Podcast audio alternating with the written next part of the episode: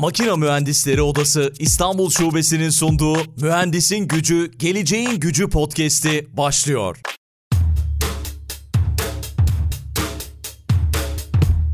Mühendisin Gücü, Geleceğin Gücü podcast'inin yeni bölümünden herkese merhaba. Bu bölümde konuğum Sabancı Üniversitesi'nden Profesör Doktor Erhan Budak. Yine sanayiyi konuşacağız, dijitalleşmeyi konuşacağız, akademiyi konuşacağız, sanayi ve akademinin ilişkisini konuşacağız. Hocam hoş geldiniz. Merhabalar, selamlar. Merhabalar Aykut Bey. Selamlar. Çok teşekkür ederim. Uzun yıllardır akademinin içerisindesiniz, araştırmalar yapıyorsunuz, çalışmalar yapıyorsunuz hem yurt içinde hem yurt dışında. Peki biraz hocam sizi tanısak yani bu kariyer hikayeleri çok merak ediliyor. Bizi de takip eden, podcast'i takip eden dinleyicilerimizin büyük bir çoğunluğu gençler. Yurt içi, yurt dışı nasıl gelişti? Onu merak ediyoruz açıkçası. Biraz böyle sizi tanıyalım ondan sonra da konumuza girelim diye düşünüyorum. Tabii ki.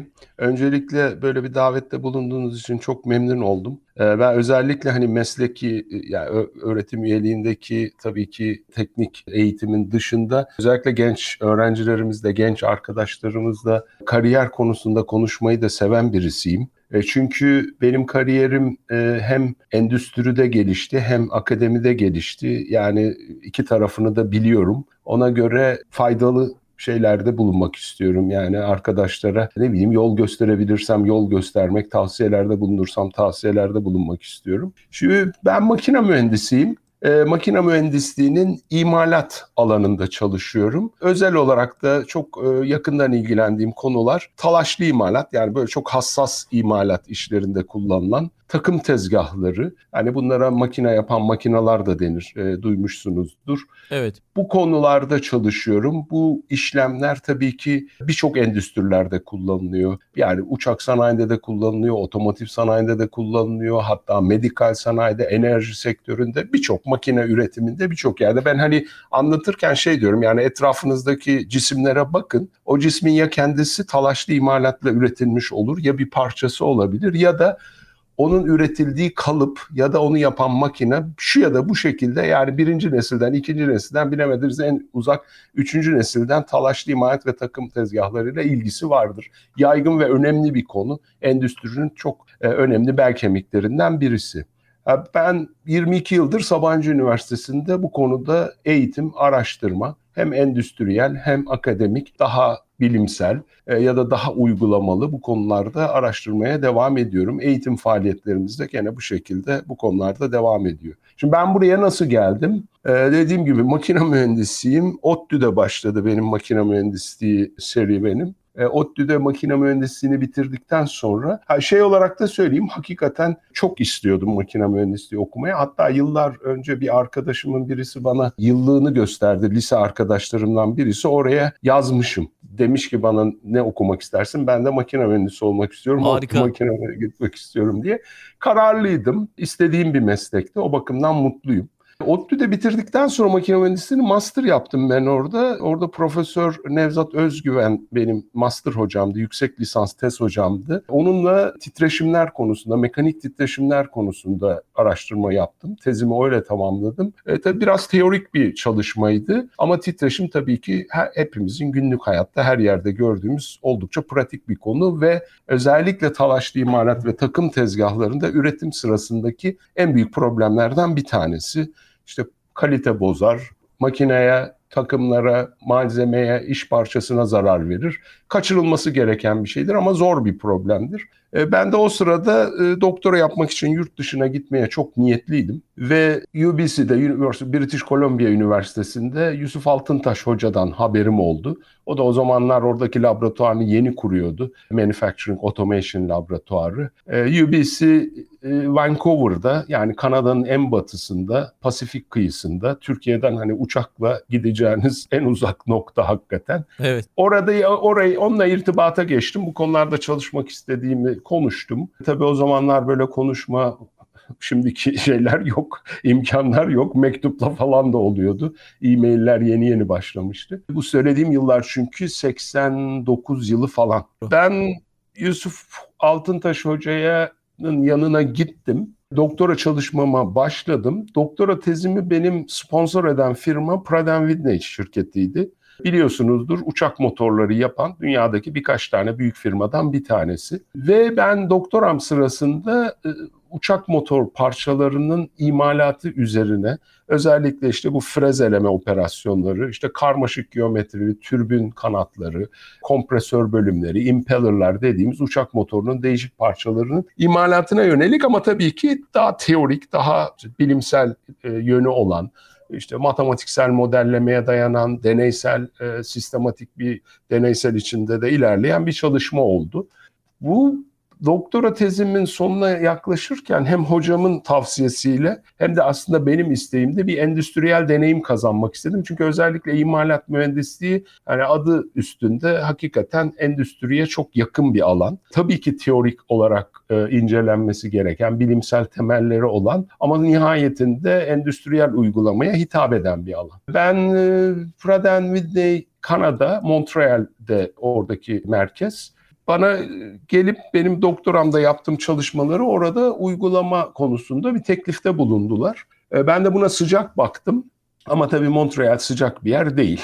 Yani evet, e, Vancouver öyle birazcık bizdeki Karadeniz iklimine benzeyen, hani Kanada'nın gerisiyle hemen hemen hiç alakası olmayan iklim yönünden sürekli yağmur yağan, Hatırlıyorum ben oradayken bir Nisan ayındaki rekor 26 günde herhalde yağmur yağan böyle sürekli gri yağmur yağan ama çok soğuk olmayan çok güzel bir şehir.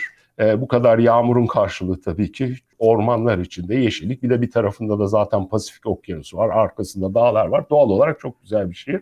Ama tabii öğrenci olduğumuz zaman çok fazla ilgilenemedik o kısımlarla. Doğru. E, Montreal'e 94 yılında taşındım. 94'te ben doktoramı bitirdim UBC'de. Montreal'e taşındıktan sonra orada oranın imalat ARGE bölümünde araştırma mühendisi olarak işe başladım. Tabii ki benim laboratuvarda e, gördüğüm, bildiğim şeylerden çok daha büyük bir kompleks bir sistem çok daha farklı makinalar var, farklı işlemler var ve gerçek parçalar var ve bunlar uçuyor hepsi tabii ki. Çok kritik operasyonlar. Özellikle onun için zaten en ileri teknikler genellikle bu tür imalat alanında uçak sanayinden başlıyor. Çünkü kritik parçalar işte hani hep denir yani arabanız bozulursa sağa çekersiniz, servis çağırırsınız. Uçakta böyle bir şansınız yok. yok. Onun için çok detaylı incelenmesi gerekiyor. Her üretilen parçanın e, defalarca kontrol edilmesi gerekiyor ve her şeyin kontrol altında tutulması gerekiyor. Ben doktoramda geliştirdiğim bu modelleri, matematiksel modelleri simülasyonları, yazılımları oradaki işlemlere uygulamaya başladım ve bu kısa sürede bunun geri getirisi çok fazla oldu. Yani üretim zamanları azaldı, maliyetleri azaldı, kalite kalite çok iyileşti e, ve bunu da firma gördüğü için orada bir grup oluşturduk. Bunları daha yaygın bir şekilde yapalım diye. Ben hani Sizinle muhtemelen bu konuşmamızın ilerisinde gelecek gündeme ben Türkiye'de de sanayicilerle konuştuğum zaman ya da değişik ortamlarda iş arkadaşlarımla görüştüğüm zaman bu örneği veriyorum. Yani bir firma beni 5 yıl sponsor etti. O sırada makaleler ve raporlar dışında pek bir şey alamadı benden. Ama oradaki firmaya katıldıktan sonra kısa bir süre içinde çok yüksek bir geri getirisi oldu. E bunlar çok pahalı işlemler, çok maliyetli makinalar ve tezgahlar üzerinde yapılıyor. Yani bir mesela önden gördüğünüz bir uçak motorunun fanı e, yüz binlerce dolar maliyetinde olabiliyor. Çok büyüklerin, büyük biz Montreal'deki orta boy uçakların motorlarını yapan da ama işte ne bileyim böyle büyük yolcu uçaklarının daha büyüklerinin motorları milyonlarca dolar mertebesine sadece bir parçası olabiliyor. Onun için bunların optimize edilmesi, ileri teknikler kullanılarak iyi bir şekilde üretilmesi, e, oluşacak sorunların önceden görülmesi, ona göre çözümler üretilmesi çok önemli. E, ben de zaten doktora tezimde bunlarla uğraştığım için Yusuf Hoca'nın e, supervisorlığı altında o da beni tabii ki çok iyi yönlendirdi. Uygulamaya yönelik olarak derinlemesine konuları inceledik. Orada da uyguladım ve çok uygulama fırsatı buldum. Ee, hani böyle birdenbire sizin elinizde çözümler olduğunu görünce insanlar sürekli geliyor. Çünkü üretimde problem bitmez. Ve bu böyle devam etti. Ben hakikaten çok çok zevk aldım. Ben iki yıllığına bilemediniz en çok üç yıl kalırım, bir tecrübe edinirim. Sonuçta benim amacım akademisyen olmaktı. Akademiye, üniversiteye geri dönmekti. Ama o kadar sevdim ki hakikaten 6 yıl kaldım ben orada. Çok da e, dediğim gibi iyi sonuçlar aldık. Bunlar bana çok zevk verdi. Yeni bir sürü şey öğrendim. Hem pratik hem uygulamalı hem olayın teorik kısımlarıyla ilgili. O sırada McGill Üniversitesi'nde Montreal'de ders de verdim bir süre dışarıdan. Ee, sonra Sabancı Üniversitesi kurulurken e, benimle irtibata geçtiler. E, dediler ki özellikle endüstri mühendisliği bölümü içinde Sabancı Üniversitesi'nde makine mühendisliği bölümü yok. Endüstri ve mekatronik mühendislikleri var. Bu iki programın da özellikle ilgilendiren imalat konusu hani ortak çakıştığı bir konu. Böyle bir araştırma programı, eğitim programı kurmayı planlamışlar. Çünkü Sabancı Üniversitesi kurulurken bir arama konferansı yapılıyor. Hangi alanlar, bu 2000'lerden önce tabii. Hangi alanlarda çalışılmalı, hangi alanlara yoğunlaşmalı? Bir işte bu üretim teknikleri de bunlardan bir tanesi olarak ortaya çıkınca ben geldim 2000 yılında Sabancı Üniversitesi'ne katıldım. İşte eğitim programlarını kurdum. Ondan sonra da laboratuvarımızı yavaş yavaş geliştirmeye başladık. Çünkü hakikaten bu tür bir laboratuvarın kurulması pek kolay değil. Konu sadece maliyet değil, insan faktörü var. Bunlar endüstriyel makineler.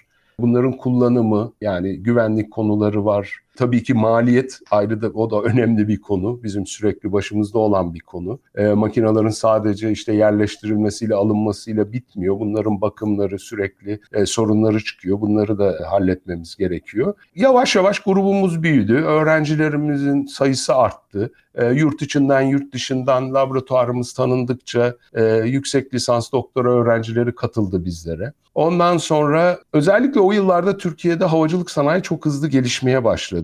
İşte Eskişehir'deki firmalar, Ankara'daki firmalar, e, bildiğimiz, ismini bildiğimiz büyük firmalar. Buralardan talepler de gelmeye başladı. Biz de elimizdeki çözümleri onlara sunmak istedik ve iş miktarı fazlaca artmaya başladı.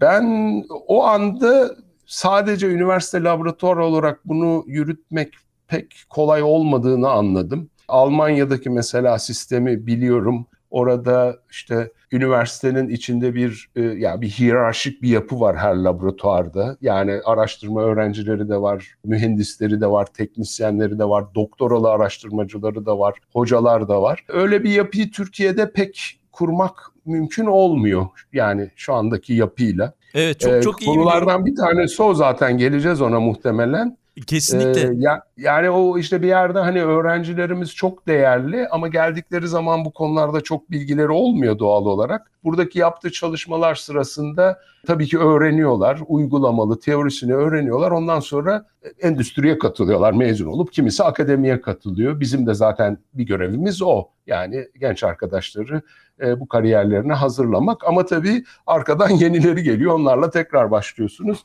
Yani hani tabiri caizse bilmiyorum belki iyi bir benzetme değil ama taşıma suyla değirmen çevirme gibi bir duruma geliyorsunuz bir yerde. Onun için kalıcı eleman profesyonel ekibin çok önemli olduğunu ben e, anladım tabii ki biliyordum da zaten.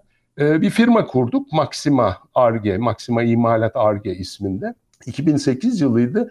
Benim doktor öğrencim Doktor Emre Özlü ile beraber kurduk. Ve endüstriye bu çözümlerimizi daha hızlı, daha verimli bir şekilde aktarmak. Biz laboratuvarda daha uzun süreçli araştırmaları, daha derin araştırmaları yaparken ama bu süreçler içinde ortaya çıkmış çözümleri daha hızlı olarak Maxima aracılığıyla endüstriye e, işte uçak sanayinden başlayıp ama sonrasında makine sanayi, otomotiv sanayi bu sanayilere aktardık uzun yıllar boyunca ve bu şekilde devam etti. Bu sürede tabii bu süreç içinde laboratuvarımız genişledi. Ee, yeni ekipmanlar alabildik. Bunların bir kısmı hibe şeklinde oldu. Çünkü laboratuvarımız tanınmaya başlayınca uluslararası bazı özellikle mesela takım tezgah firmalarından bize destek yani destekledikler bizleri. Ee, bunlarla beraber çalışma imkanı bulduk. Ve şu anda da bu tür projelerimiz ulusal, uluslararası, işte akademik, daha bilimsel içerikli projeler, daha endüstriyel uygulamalı projeler şeklinde devam ediyor.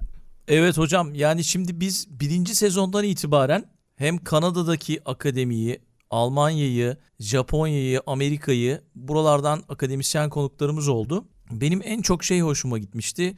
Kanada'da sizin de verdiğiniz o örnek uygulamalı bir şekilde akademideki çalışmaların işte şirketler tarafından desteklenmesi, endüstride desteklenmesi ki size de öyle bir sponsor olmuş. Müthiş bir yatırım yapmış bence evet. şirket.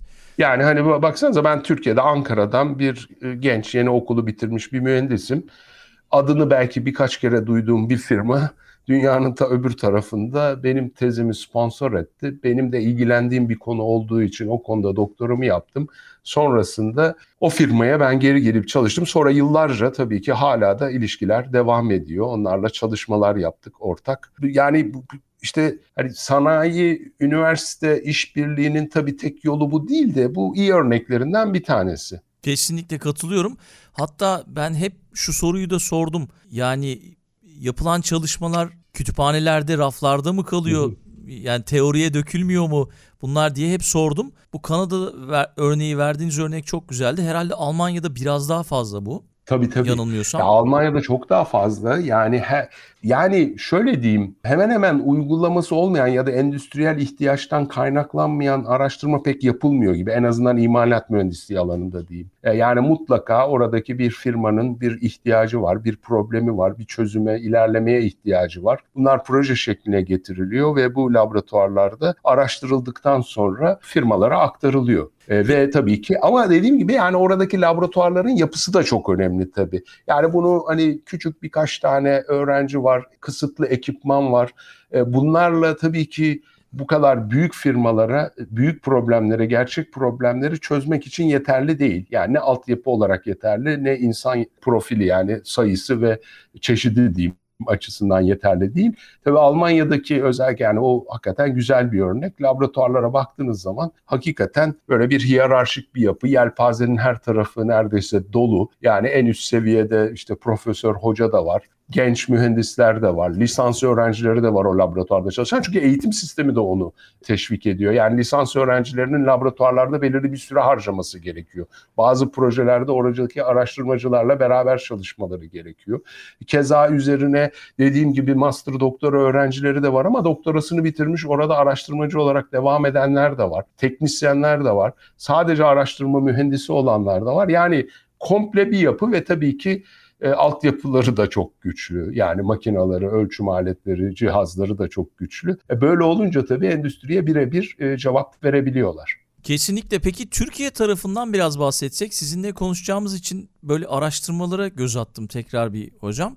Üniversitelerin sanayinin ihtiyaç ve beklentilerini karşılayamadığı yönünde bir algı var. E, sizce bu böyle mi? Yani gerçekten sanayiden böyle size istekler geliyor mu? Bunu merak ediyorum bir. İkincisi de siz laboratuvarınızda sanayi ve üniversite işbirliği konusunda ne gibi çalışmalar yapıyorsunuz? Ya şimdi bizim laboratuvarımız sanayiyle çok yakın çalışıyor. Dediğim gibi zaten firmada olduğu için bir teknopark firması ama aslında pratikte bizim laboratuvar içinde devam eden çalışan bir firma. Bu sayede e, bizim yani çalıştığımız alan itibarıyla ve yani sadece biz endüstriyi de beklemiyoruz bize gelsin diye biz gidip kapılarını çalıyoruz. Güzel. E, iletişime geçiyoruz. Yani diyoruz ki biz bu konularda çalışıyoruz. Bu tür araştırma e, olanaklarımız ve yöntemlerimiz var. E, belirli bir süre sonra iletişimden sonra birbirimizi tanıdıktan sonra e, şey yapılıyor. Değişik projelerimiz var. Yani değişik sektörlerden dediğim gibi havacılık sanayide var, otomotiv sanayide var, kesici takımlarla ilgili takım tezgahı üreticileri Türkiye'de bunlarla da ilgili bu konularda çalışmalarımıza devam ediyoruz. Çok yakınız dediğim gibi. E, sürekli yani laboratuvarımızda bu tür projeler üzerinde çalışıyoruz. Yani bir de benim geçmişimden ötürü dürüstçesi hani hepimizin zamanı kısıtlı ben zamanımı verimli kullanabilmek adına hani uygulaması olabilecek bir derde çare olabilecek konular üzerine çalışıyorum. Bu şey demek değil yani tamamen bilimsel meraktan dolayı akademik ilgiden dolayı yaptığımız çalışmalar da var. Zaten onlar öbür çözümlerin nüvesi yani onları yapmazsak e, ileride bu uygulamaya dönüşecek verimli sonuçları, problemleri çözecek şeyleri, çözümleri bulamayız. O da ilerliyor ama sonuçta nihai hedefimiz hani uygulamaya yönelik olması yönünde. Her laboratuvar, her araştırma grubu, her üniversite böyle midir? Olmayabilir, değildir. Çünkü bir kere konuya bağlı, konu itibariyle. Bazı konularda uygulamalı araştırma yapmak o kadar kolay değil. Altyapı gereksinimi ya da maliyetlerden ötürü. Bazı konular birazcık daha teorik alanda kalıyor. Onlar endüstriyle belki o kadar iletişime geçemiyorlar. İhtiyaçları da olmuyor, ilgi alanları da olmayabiliyor. Evet. Yani teorik alanlar var, uygulamalı alanlar var. Mühendisliğin içinde de daha teorik mühendislik alanları, daha uygulamalı olanları var. Fakat dediğim gibi buradaki önemli noktalardan bir tanesi, bence en önemlisi bu üniversite sanayi işbirliği hep söylenir. Konuşacağım ben diğer şeyleri de söyleyeceğim. Konuları da bununla ilgili görüşlerimi. Ama birinci bence en önemli birinci nokta şu. Birbirini tanımayan insanlar birbirine yardım edemez. Yani tanımanız gerekiyor. Şimdi şöyle bir durum var. Türkiye'de üniversiteyle e, sanayi bir araya getiren fazla platform yok. Yani burada işte Almanya'daki mesleki dernekler, Japonya'dakiler e, buralara baktığınız zaman bunlar hem teknik olarak hem sosyal olarak yani işte bir akşam semineri bir araya gelinir tanırsınız. Siz birbirinizi tanıdıkça onların neyle uğraştığını, ne tür sorunları olduğunu gördükçe, onlar da sizde ne tür çözümler, ne tür yetenekleriniz olduğunu anladıkça bu tür ilişkiler daha iyi gelişiyor. Ee, birazcık hani herkes meşguliyetinden diyeyim ya da öyle alıştığımız için kendi tarafında kalıyor ve buradan da çözümlere ulaşmak kolay olmuyor. İkinci bir nokta da tabii hani hep şey söylenir. Hep demeyeyim de yani bu arada bir lafı geçen bir konudur. Hani üniversitedekiler e, yapılması gerekeni değil de yapmak istediklerini yaparlar, yapıyorlar diye bu, bu sanayiden de ya da başka yerlerden de gelen bir eleştiridir. Bunda da doğruluk payı vardır. Ama üniversitedekiler de der ki akademidekiler yani endüstri bizi desteklemiyor. Endüstri bize inanmıyor. Endüstri e, bizden çözüm istemiyor diye. Bunlar tabii genellenecek şeyler değil. Bir sürü istisnaları var. Dediğim gibi düzinelerce firmayla çalışıyoruz biz laboratuvar olarak. Ama e, bunda da doğruluk payı var. Şimdi endüstri mesela e, sanayiden, şeyden, üniversiteden ne bekler? Öncelikle iyi yetişmiş eleman bekler. Kendi ihtiyaçları doğrultusunda çalışacak, çözüm verecek. Ama şimdi bu konuda bir girişimde bulunulması gerekiyor. Bu öğrenciler eğitimleri sırasında öğretim üyeleri mutlaka çok iyi altyapı veriyorlar, eğitim veriyorlar, teorik bilgilerle donatıyorlar ama bunda öğrencilerin hangi konulara daha fazla yönlendirilmesi, endüstriye geldiği zaman hazır olabilmesi için endüstrinin üniversite içinde biraz daha bulunması gerekiyor. Hem öğretim üyelerine, hocalara e, yön vermek açısından hem de öğrencileri teşvik etmek açısından. Bu çoğunlukla staj seviyesinde kalıyor. Yani öğrenci işte bir ya da iki kere endüstride bir yere gidiyor, staj yapıyor. Ondan sonra gerisi yani işte orada görmüş Şansına oluyor. kalmış belki de. Evet yani öyle. Ya iki tarafta da dediğim gibi başka konular da var ama öncelikle bir iletişim konusunu halledip karşılıklı bir de tabii güven konusu var. E, geçmişten gelen örneklerden dolayı iki tarafta da olumsuz düşünceler olmuş olabilir. Ama yani bunları fazla takılmamak gerekiyor çünkü önemli olan geleceğe bakmak. Olumlu örneklere bakmak. Bir sürü olumlu örnek var. Yani üniversitelerden çıkan patentler var. Bu patentlerin yerleştirildiği, e, uygulandığı firmalar var. Aynı şekilde bu firmaların desteklediği araştırmalar var. Bizim laboratuvarımızda oluyor, birçok başka yerde çalışmada oluyor. Yani iyi örnek de var bir sürü. E burada tabii TÜBİTAK destekleri de var. AB destekleri de var. Yani bunlara beraber girilebilmek de var. Yani bu iki tarafın birbirini biraz daha iletişimi arttırıp bir de güven konusunu halletmek gerekiyor. Ha Bunlar olduktan sonra mükemmel olur mu derseniz o bir sonraki konu. Yani e, tabii ki başka şartların da yerine gelmesi gerekiyor ki bu tür bir iletişim ya da bu tür bir işbirliği başladıktan sonra iyi bir şekilde devam edebilsin. Doğru. Bir de hocam ülkelerin farklı uygulamaları da var. İşte Almanya tarafında daha çok devlet teşviki var. Kanada'da siz de çok iyi biliyorsunuz. Kendi yağıyla kavrulması gerekiyor laboratuvarın. Kendi şirketi evet. kar ettirmesi gerekiyor. Bir de katı kurallar da var bildiğim kadarıyla yurt dışında. Yani biraz daha farklı bizdeki uygulamalar. Var ama tabii ki epey e, değişti, epey gelişti. Yani TÜBİTAK'ın değişik programları var. Hem endüstriye hem üniversiteye hem de ikili işbirliklerine verdiği değişik destekler var. Bunlar hakikaten yani eskiyle karşılaştığınız zaman şu anda çok daha ileri seviyede bunlar. Fakat Mesela dediğiniz örnek çok önemli. Yani hem endüstriye hem şeyi e, desteklemek, belirli bir desteği vermek. Mesela şu çok önemli. Devam eden bir laboratuvarın sürdürülebilmesi lazım. Ama aynı zamanda da gelişmesi lazım. Şimdi mesela Almanya'daki sistemlerden bir tanesinde kabaca söylüyorum. İşte bir miktar destek veriliyor orası gelişsin diye ama geri kalanını da sen git araştırma projesi endüstriden bul, değişik ARGE fonlarından bul, işte AB fonlarından yararlan şeklinde devam eden bir şey var e, yaklaşım var. Bu güzel bir yaklaşım. Yani olabilir e, her an endüstride işte Covid zamanını yaşadık, ekonomik sorunlar oluyor, endüstri yavaşlıyor. Her zaman endüstriden ya da başka fonlardan destek almanız mümkün olmayabilir. Yani bazı AB fonlarındaki projelerdeki başarı oranı %10 mertebesinde.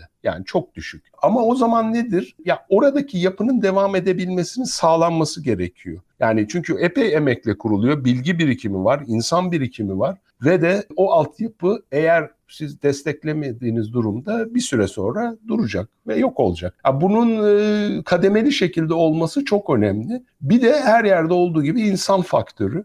O laboratuvarlarda sadece öğrenciler değil, araştırma yani kalıcı resmen hani kaba tabirle bordrolu araştırma elemanı, doktora sonrası araştırmacı, doktoralı araştırmacı, teknik personel, teknisyen gibi o laboratuvarın devamlılığını sağlayacak insanların bulunması gerekiyor. Çünkü dediğim gibi hani gelen öğrenci, yeni gelen öğrencinin sıfırdan başlamaması lazım. Çok zaman kaybediliyor. Ee, ve öncekilerin öğrendikleri bilgiyi, edindikleri yeteneği de aktarabilecek bir süreklilik sağlayan bir mekanizma olması gerekir. Ee, bu, bu, bu dediğim gibi e, mesela verdiğiniz örnekte Almanya'daki sistemde bu sağlanıyor. Ha bir de şu var mesela Kanada'da da böyle matching fund denilen bir şey hatırlıyorum. Yani siz diyor ki mesela laboratuvar olarak sen gidip endüstriden bir dolarlık destek alırsan ben de işte diyelim ki şey oradaki fon kurumu NSERC Kanada'daki o da diyor ki ben de bir dolar veririm sana diyor. Şimdi bu güzel bir şey, teşvik edici bir şey. Yani insanları, araştırmacıları endüstriye yönelmesi için teşvik edici. Çünkü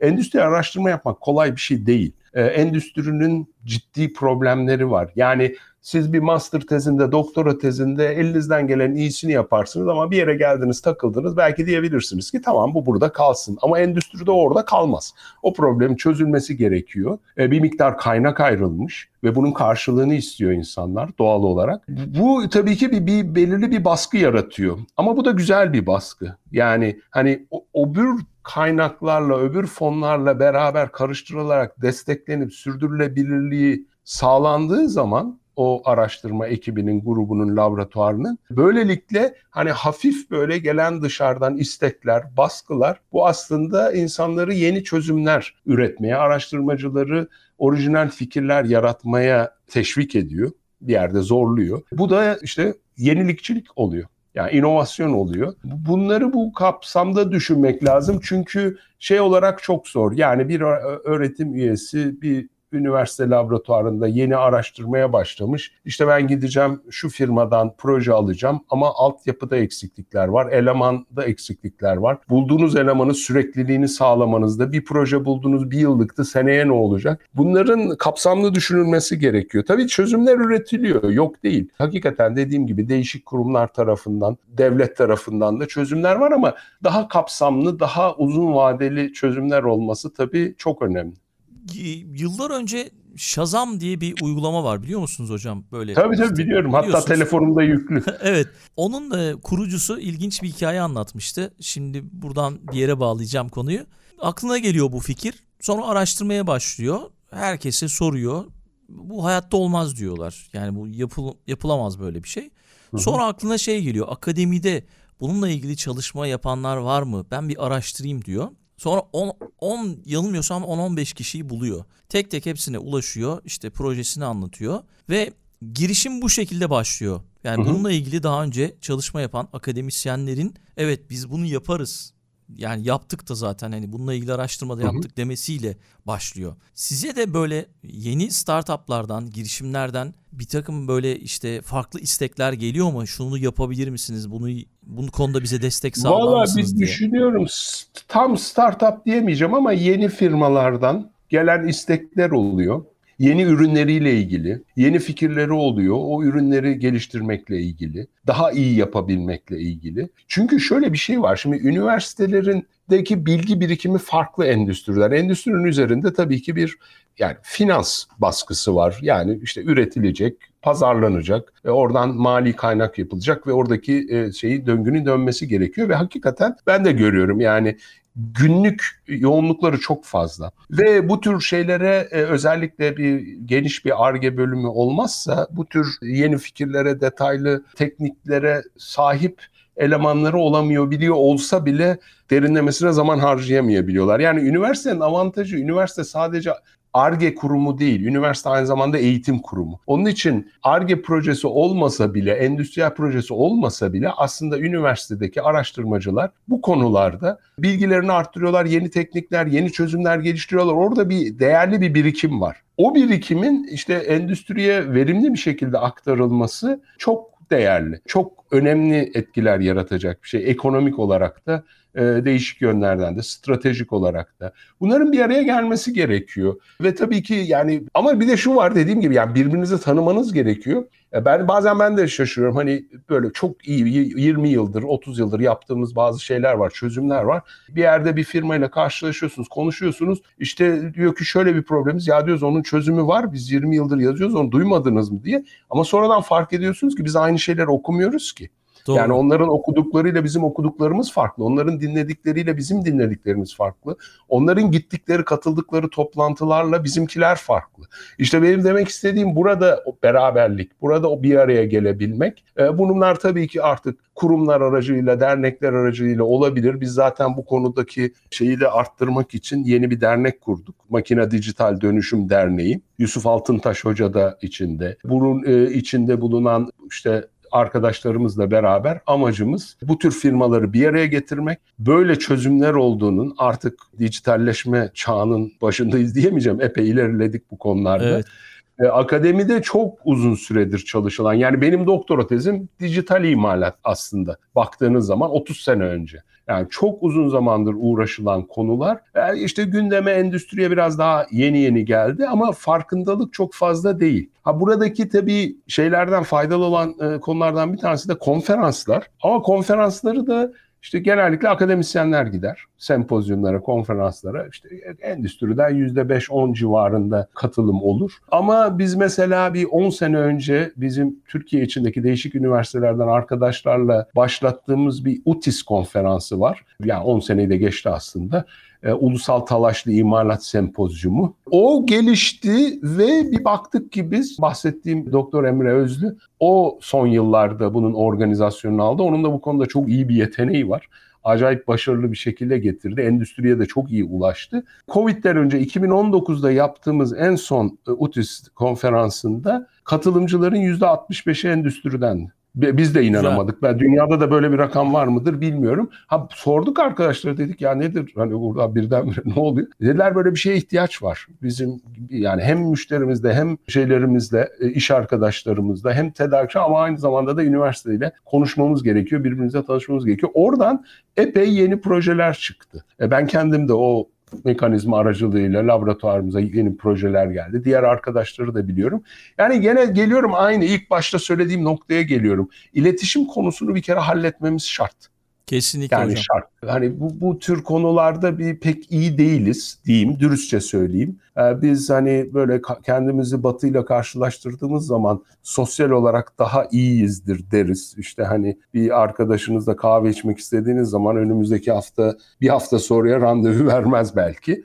Ama çalışma konusunda bu iletişim kısmını pek iyi yapamıyoruz nedense. Belki mekanizmalar yok yeteri kadar. Belki onların işte öncelikle doldurulması gerekiyor. Dernekler, konferanslar dediğim gibi bunlardan birisi. Ben elimden geldiğince bunlara katkıda bulunup içinde bulunmaya çalışıyorum. E, arttırılması gerekiyor. Sayılarının, e, miktarlarının, e, sıklıklarının arttırılması gerekiyor.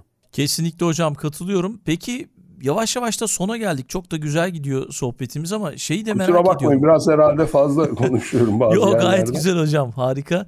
Bu arada yeri gelmişken söyleyeyim. Geçtiğimiz günler içerisinde Makine Mühendisleri Odası İstanbul Şubesi İstanbul'da yaşayan mühendisler araştırması yaptı. Onun da sonuçları çok çok ilginç hocam. Podcast'in açıklama kısmında paylaşacağım. E, tabii yurt dışına gitmek isteyen de çok fazla var. Yani Hı-hı. böyle yüzde yüksek gitmeyen de çok oran var. Böyle ilginç işte üniversitelerde eğitim alan mühendislik öğrencilerinin sayısı hakkında ne düşünüyorsunuz diye sormuş anketi gerçekleştiren yani bu araştırmayı yapan odanın çalışanları. Yani yük, şey gereksinimden fazla mühendis olduğu ortaya çıkmış. Buna katılıyor musunuz mesela? Yani ya da buna bir şey mi yaratmıyoruz biz? O mühendisleri değerlendirmek için bir ortam mı yaratmıyoruz? Ya ben şöyle söyleyeyim. Genel isimlerle konuştuğumuz zaman işte makine mühendisi, elektrik mühendisi dediğimiz zaman belki sayı olarak öyle gözükebiliyor ama bunlar aslında bence firmaların aradıkları mühendis lerde de yani firmaların ihtiyacı oldu, ihtiyaçları olduğunu söyledikleri mühendislerde de biraz gizli şeyler var bence. Yani mesela üretimdeki birçok problem. Şimdi gene Almanya örneğini vereceğim. Ben ilk 96 yılında Almanya'da MTU fabrikasına gitmiştim. İlk Almanya'ya gidişimde o zaman da. Üretim hattı müdürü ya da üretim hattının işte şefi diyelim doktor işte bir şey. E, öbür tarafa gidiyorsunuz kalite bölümünde doktor öbür tarafa gidiyorsunuz. Yani şimdi şöyle bir şey var. Eğitim mühendislerin bir şekilde girebileceği başka alanlar da var da ama işte endüstrinin de oradaki sıkıntı şu belki ya da sıkıntı demeyeyim neden olarak söyleyeyim. Ee, endüstrinin söylediği ya ben hani yeni okuldan çıkmış bir adamı alıp oraya koyamam. Onun tecrübesi sınırlı. Onun yerine mühendis olsun olmasın burada 10 yıldır o işi yapan eleman benim için daha iyidir gibi e, bir görüş var. Ama burada da şey oluyor biliyorsunuz işte şirket körlüğü denilen, meslek körlüğü denilen bir şey oluyor. Yani 10 yıldır birisi o işi öyle yapıyorsa bana bana 3-5 kere gittiğim firmadan bu söylendi. Ben diyorum ki bakın böyle yaparsak şu şuna çok faydası oluyor. Şöyle bir çözüm oluyor ama karşıdaki bana şey diyor. Biz öyle yapmıyoruz ama diyor. Ben de diyorum ki farklı bir şekilde yapmazsanız yani nasıl çözeceksiniz problemi? Aynı şeyleri yaparsanız aynı sonucu alacaksınız. Ha, buradaki o işte körlüğü aşabilmek açısından buraya genç de olabilir. O arkadaşları fazla tecrübesi de olmayabilir ama farklı görüş açıları, farklı geçmişleriyle oraya katmak lazım. Ama gene burada aynı şeye geliyoruz. Eğer endüstri üniversite işbirliğini biz daha iyi yapabilsek endüstrinin üniversiteye vereceği geri beslemelerle daha farklı dersler, farklı laboratuvarlar, farklı araştırma konuları hatta yeni bölümler, programlar açılabilir, açılmalı zaten. Ama tabii ki 100 sene önceki aynı isim altındaki mühendislikleri çıkarttığımız zaman ve bunların içine uzmanlaşma koymadığımız zaman o zaman işte çok genel kalabiliyor ve o alana da talep olmadığı zaman bu tür bir sorunla karşılaşıyorsunuz. Ben mühendis sayısının fazla olduğunu düşünmüyorum dürüstçe söylemek Anladım. gerekirse. Çünkü gittiğim yerlerde gördüğüm şeyler bana bunu söylemiyor. Mühendislerin yapabileceği çok daha fazla işler var. Girebileceği yerler var. Ama bir şekilde bu geleneksel yaklaşımdan dolayı ıı, dışarıda kalıyor bir kısmında mühendisler. Ben yani imalat sanayi için bunu söyleyebilirim. Üretim sanayi için bunu söyleyebilirim. Yani çok fazla mühendis görmüyorsunuz her yerde imalatta. Anladım. Peki hocam çok çok teşekkür ediyoruz bu bölümde konuğumuz olduğunuz için için. Çok verimli ben, bir bölüm oldu. Umarım yararlı olmuşuzdur dinleyenler için. Çok ben çok de öyle umuyorum. Ben ben çok tekrar teşekkür ederim böyle bir fırsat verdiğiniz için. Umarım faydası olur. O zaman hocam son söz sizin. Mühendisin gücü geleceğin gücü diyorum ama ben aynı zamanda üretim sektöründe olan birisi olduğum için, imalatla uğraştığım için şunu da eklemek istiyorum. Üretiyorum, öyleyse varım diyebilmek bence çok iyi her mühendis için. Hepsine, bütün genç arkadaşlarıma da başarılar diliyorum.